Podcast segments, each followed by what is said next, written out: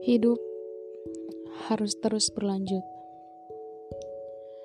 Dari sekian banyak waktu luang terbuang sia-sia, dari sekian banyak rasa nyatanya kecewa, dari sekian banyak harap nyatanya nothing. Dari situ gue belajar semua yang kita lewati itu nyatanya punya um, arti tersendiri dalam menyikapinya. Pernah kan berada di situasi di mana kamu itu ikut serta dalam mencoba pil pahit dalam kehidupan ini? Widih hebat. Kamu yang merasakannya hebat. Buktinya, kamu bisa survive sampai saat ini.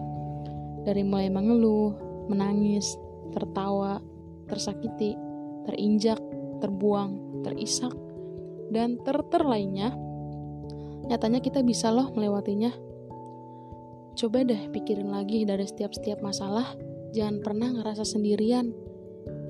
Karena kalian tahu nggak, Tuhan itu mengirimkan masalah sepaket sama embel-embel lainnya. Ibarat beli barang online, belinya cuman kuas masker, kecil bet dah, tapi dilindungi bubble wrap, dikardusin cuy, diplastikin pula, dilakban, sampai susah bukanya anjir, padahal cuma kuas. Itu juga gratis ongkir.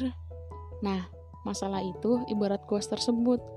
Ada yang siap melindungi kita seperti bubble wrap, yang siap dibeletusin kalau kita lagi gabut, yaitu orang-orang terdekat kita yang tingkahnya nyebelin tapi ngangenin yang sok-sokan pengen bikin kita ketawa nyatanya garing dan masih banyak hal lainnya.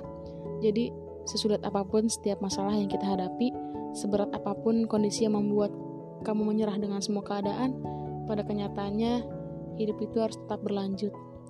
Ayo semangat gue siap jadi bubble wrapnya